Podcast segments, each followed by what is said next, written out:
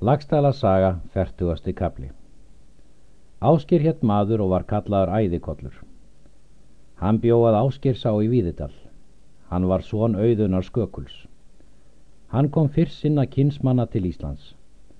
Hann nafn Víðidal, annar svon auðunar hétt Þorgrímur Hærukollur. Hann var fadir Ásmundar föður Grettis. Áskir æðikollur átti fimm börn. Svon hans hétt auðun fadir Áskirs föður auðunar föður Egils er átti úlveiði dóttur Egilsins halda. Þeirra svon var Egilur er vegin var á alþingi. Annar svon ásker sé Þorvaldur. Hans dóttir var Dalla er átti Ísleifur biskup. Þeirra svon var Gissur biskup. Hinn þriðji svon ásker sétt Kálfur. Allir voru sinir áskers vænleir menn. Kálfur Áskersson var þann tíma í förum og þótti hinn nýtasti maður. Dóttir Ásker sétt Þurýður. Hún var gift Þorkili Kukka sinni Þórðar Gellis. Þeirra són var Þorstein. Önnur dóttir Ásker sétt Hrefna. Hún var væns kvenna norðu þar í sveitum og vel vinsæl. Ásker var mikill maður fyrir sér. Það er sagt eitt sinn að Kjartan Ólason byrjaði ferð sína suðu til borgarfjörðar. Ekki er getu um ferð hans fyrir en hann kom til borgar. Þar bjóð þá Þorstein Egilson móður bróður hans. Bodli var í ferð með honum því að svo var ástúðut með þeim fóstbræðrum að kvorki þóttist nýta meiga að þeir varu eigi ásamt. Þorstein tók við kjartani með allir blíðu hvaðst þökk kunna hann væri þar lengur en skemur. Kjartan dvelst að borgum hríð. Þetta sumar stóð skip upp í gufa á rósi. Það skip átti Kálfur Áskirsson. Hann hafi verið um veturn á vist með þostinni eigilsinni. Kjartan segir þostinni í hljóði að það var mest erindi hans söður þangað að hann vildi kaupa skip hált að kalvi. Er mér á því hugur að fara utan og spyr þostinn hversu honum virðist kalfur. Þostinn hvaðst higgja hann væri góður drengur. Er það vorkun mikil frændi, segir þostinn, að þig fýsa að kanna annara manna siðu. Mun þín ferð verða merkileg með nokkuru móti eiga frændur þínir mikið í hættu hversu þér tekst ferðin. Kjartan hvað vel takast mönu. Síðan kaupir kjartan skip háltað kálfu og gera helmingar félag. Skal kjartan koma til skips þá er tíu vikur eru af sumri. Gjöfum var kjartan útleitur frá borg. Ríða þeir bolli heimsíðan. En er Ólaði frétti þessa ráðabreitni þá þóttu honum kjartan þessu hafa skjótt ráðið og hvaðst þó eigi bregða myndu. Littlu síðar íður kjartan til lauga og segir Guðrúnu utan ferð sína. Guðrún mælti. Skjótt hefur þú þetta ráðið kjartan. Hefur hún þar um nokkur orð þau er kjartan mátti skilja að Guðrún let sér ógetið að þessu. Kjartan mælti. Lát ég eigi þetta mislíka. Ég skal gera annan hlut svo að þér þykji vel. Guðrún mælti. Endu þetta því að ég mun brátt yfir því lýsa Kjartan bað hann að svo að gera. Guðrú mælti. Þá vil ég fara utan með þér í sumar og hefur þú þó yfirbætt við mig þetta bráðræði því að ekki ann ég Íslandi. Það má eigi vera, segir Kjartan. Bræður þínir eru óráðnir en fadir þinn gamal og eru þeir allir forsjá sviftir ef þú ferða landi á brott og býð mín þrjá vetur. Guðrún hvaðst um það myndu engu heita og þótti sinn veg kóru þeirra og skildu með því. Reið kjartan heim. Ólafur reið til þingsum sumarið. Kjartan reið með föður sínu vestan úr hjarðarholti og skildust í norður árdal. Þaðan reið kjartan til skips og botli frændi hans var í för með honum. Tíu voru þeir íslenskir menn saman, alls, er í ferð voru með kjartani og engi vildi skiljast við kjartan fyrir ástarsakir. Rýður kjartan til skips við þetta föruniti. Kálfur Áskirsson fagnar þeim vel. Mikið fyrir höfðu þeir utan kjartan og bolli. Halda þeir nú á búnaði sínum og þegar er byr gaf sigla þeir út eftir borgarfyrði, léttan byr og góðan og síðan í haf. Þeim byrjaði vel, tóku Noreg, norður við Þrámteim, lögðinn til Agðanes og hittu þar mennað máli og spörðu tíðinda.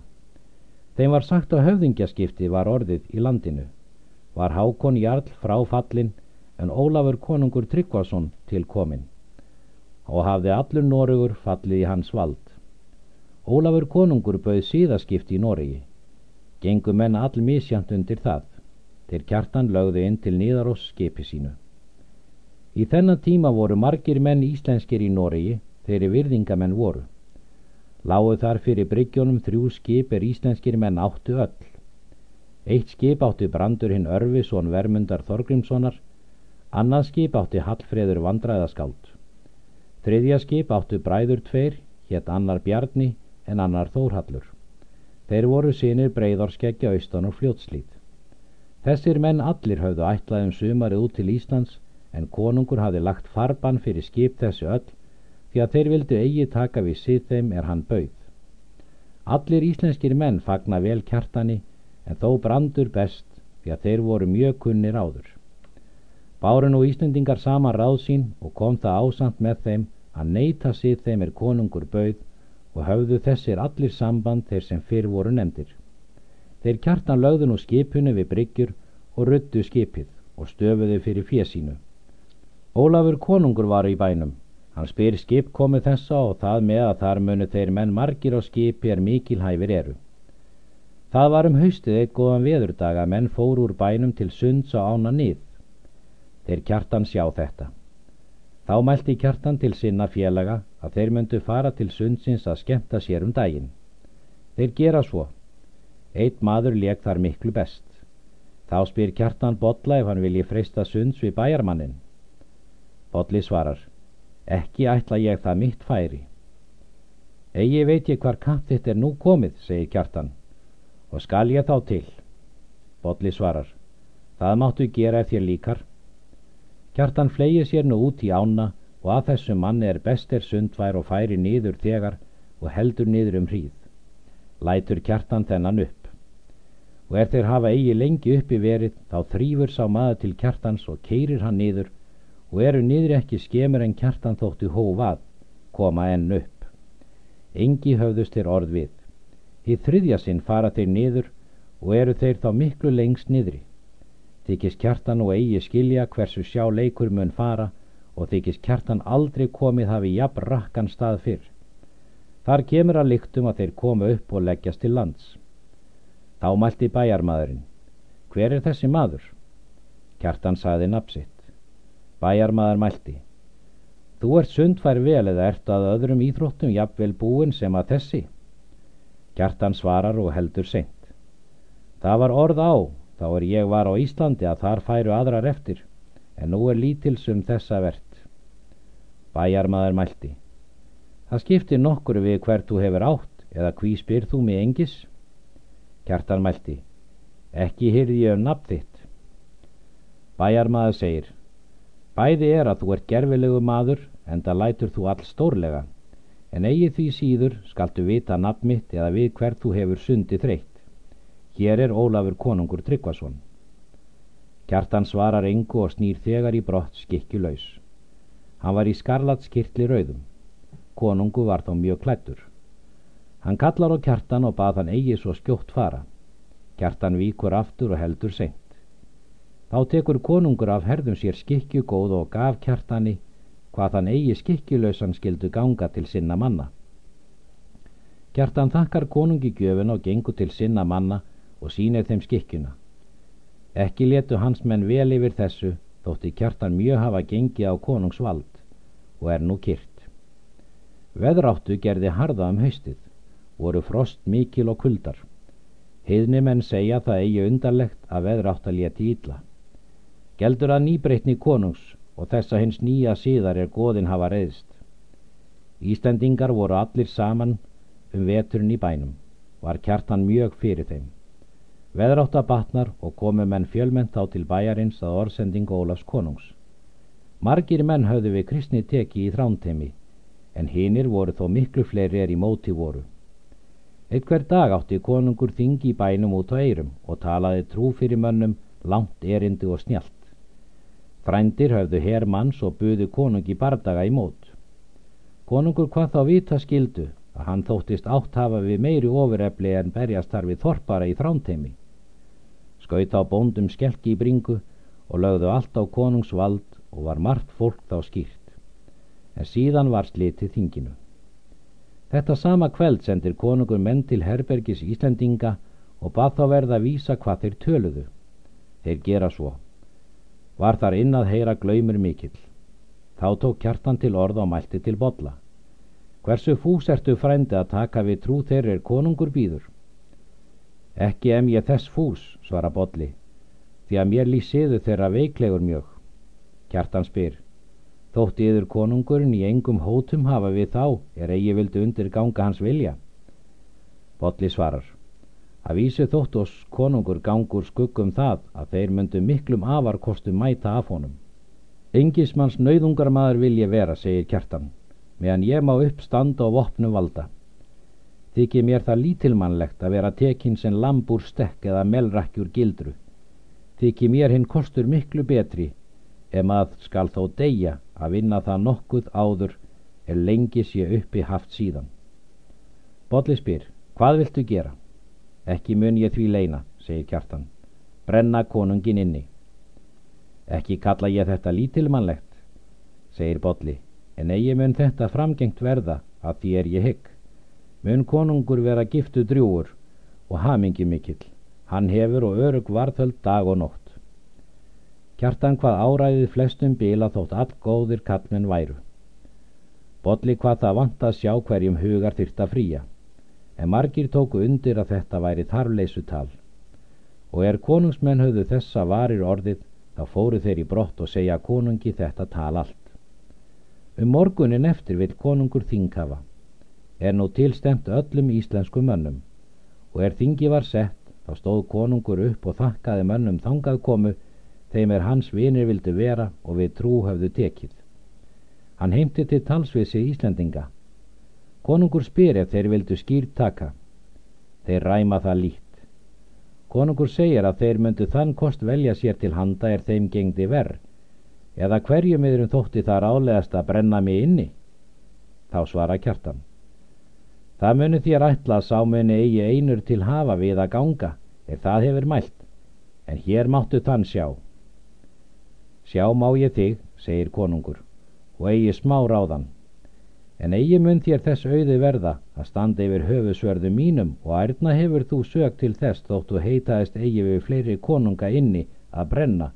Fyrir þá sögur þér væri þið betra kent en fyrir það er ég viss sé eigi hvort hugur fyldi málið þínu en drengilega við gengið þá skal þið eigi af lífi taka fyrir þessa sög kann og vera að þú haldir því betur trúna sem þú mælir meir í móti henn en aðrir kann ég og það að skilja að það mun skipshöfnum skipta að þann dag munu við trú taka er þú lætur ónauðugur skýrast.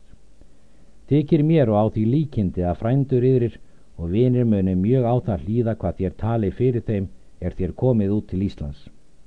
Er það á nær mínu hugbóði að þú kjartan hafið betra sið er þú siglir af Noregi en þá er þú komstingað. Fari nú í friði og í gríðum hvert er þér vilja af þessum fundi skal eigi pinda yfir til kristnaða sinni því að Guð mælir svo að hann vill að enginn komi nauðugur til hans. Var góður rómur gera máli konungs og þó mest af kristnum mönnum, en heðni menn máti við kjartan að hann skildi svara sem hann vildi. Þá mælti kjartan, þakka viljum veriður konungur ef þér gefið oss góðan frið og þannig máttu oss mest tegja að taka við trúnni að gefa oss upp stórsakir en mæli til alls í blíðu þar sem þér hafið þann dag allt ráðvort í hendi er þér viljið. Og það ætla ég mér að taka því aðeins við trú í Nóriði að ég meti lítils þór hinn næsta vetur er ég kem til Íslands. Þá segir konungur og brosti að það sér á yfirbræði kjartans að hann þykist eiga meira traust undir afli sín og vopnum heldur en þar sem er þór og óðinn. Síðan var slitið þinginu. Margir menn eggjúðu konungar stund var á milli að nauðga þeim kjartani til trúarinnar og þótti óráðlegt að hafa svo marga heina menn nær sér. Konungur svara reyðulega, hvaðst að hyggja margir myndu þeir kristnir er eigi myndu þeir jafn háttagóður sem kjartan eða sveitans og skal slíkra manna lengi býða. Konungur lætur margt nýtsanlegt vinna þann vetur. Lætur hann kirkju gera og auka mjög kaupstaðin. Sú kirkja var gerað jólum. Þá mælti kjartan að þeir myndu ganga svo nær kirkja þeir mættu sjá atferði síðar þess er kristnir menn höfðu. Tóku margir undir og sögðu það að vera myndu mikla skemmtan. Gengur kjartan nú með sína sveit og bolli. Þar er og hattfriður í för og margt manna af Íslendingum. Konungur talaði trú fyrir mönnum bæði langt erindi og snjált og gerðu kristnir menn góðan róm að hans máli. En er þeir kjartan voru gengnir í herbergi sín tekst umræða mikil hverti þeim hafi litist á konungin, nú er kristnir menn kalla næst henni mestu hátíð, því að konungur sagði svo að við máttum heyra, að sá höfðingi hafi í nótt borin verið, er við skulum nú átrúa ef við gerum eftir því sem konungur býður oss. Kjartan segir, Svo leist mér vel á konungið fyrsta sinn er ég sá hann að ég fekk það þegar skilt að hann var hinn mesti ágættis maður og það hefur haldist jafnan síðan er ég hefi hann á mannafundum séð.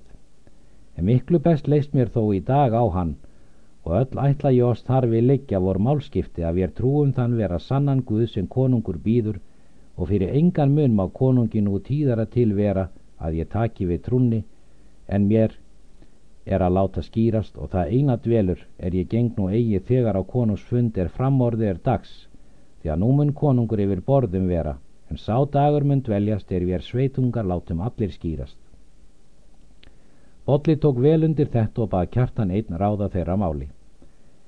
Viðræði þeirra kjartan saði konungu fyrir spurt en borðin væri í brottu því að hann nátti trúnaði hvert þeirra herbergi heiðinu manna Konungu var all gladur við þetta og mælti. Sannað hefur kjartan orðskviðin að hátíður eru til heitla bestar og þegar um morgunin snemma er konungur gekk til kirkju mætti kjartan honum á strætinu með mikilli sveit manna. Kjartan kvatti konung með mikilli blíðu og hvað stega skildi erindi við hann. Konungur tók vel kveðju hans og hvaðst af að spurt af því ljósasta um hans erindi og mun þér þetta mál auðsótt. Kjartan bað þó ekki dvala við að leitað vatninu og hvað þó mikils myndu við þurfa. Konungur svarar og brosti við. Já, kjartan, segir hann, eigi mynd okkur hér um harðfæri skilja þóttu væri nokkuru kaupdýri. Síðan voru þeir kjartan og bolli skýriður og öll skipsöfn þeirra og fjöldi annara manna. Þetta var á annan dag jóla fyrir tíðir. Síðan bauð konungur kjartan í jólabóð sitt og svo bolla frænda hans. Það er sög flestra manna að kjartan hafi þann dag gert hangengin Ólafi konungi er hann var færður úr kvítfóðum og þeir botli báðir. Hallfreður var eigi skýrður þann dag því að hann skildi það til að konungur sjálfur skildi halda honum undir skýrð. Konungur lagði það til annan dag eftir. Kjartan og botli voru með Ólafi konungi þar eftir var vetrarins. Konungur mat kjartan umfram alla menn fyrir sækir ættar sinnar og atgerfi og er það alls sagt að kjartan væri þar svo að vinsætla að hann átti sér engan öfundarmann innan hyrðar. Var það á allra manna mál að engi hefði slíkur maður komið á Íslandi sem kjartan. Bodli var og hinn vaskasti maður og metin vel af góðum önnum. Líður nú vetur sjá og er vorar búast menn til ferða sinna svo hver sem ætlaði.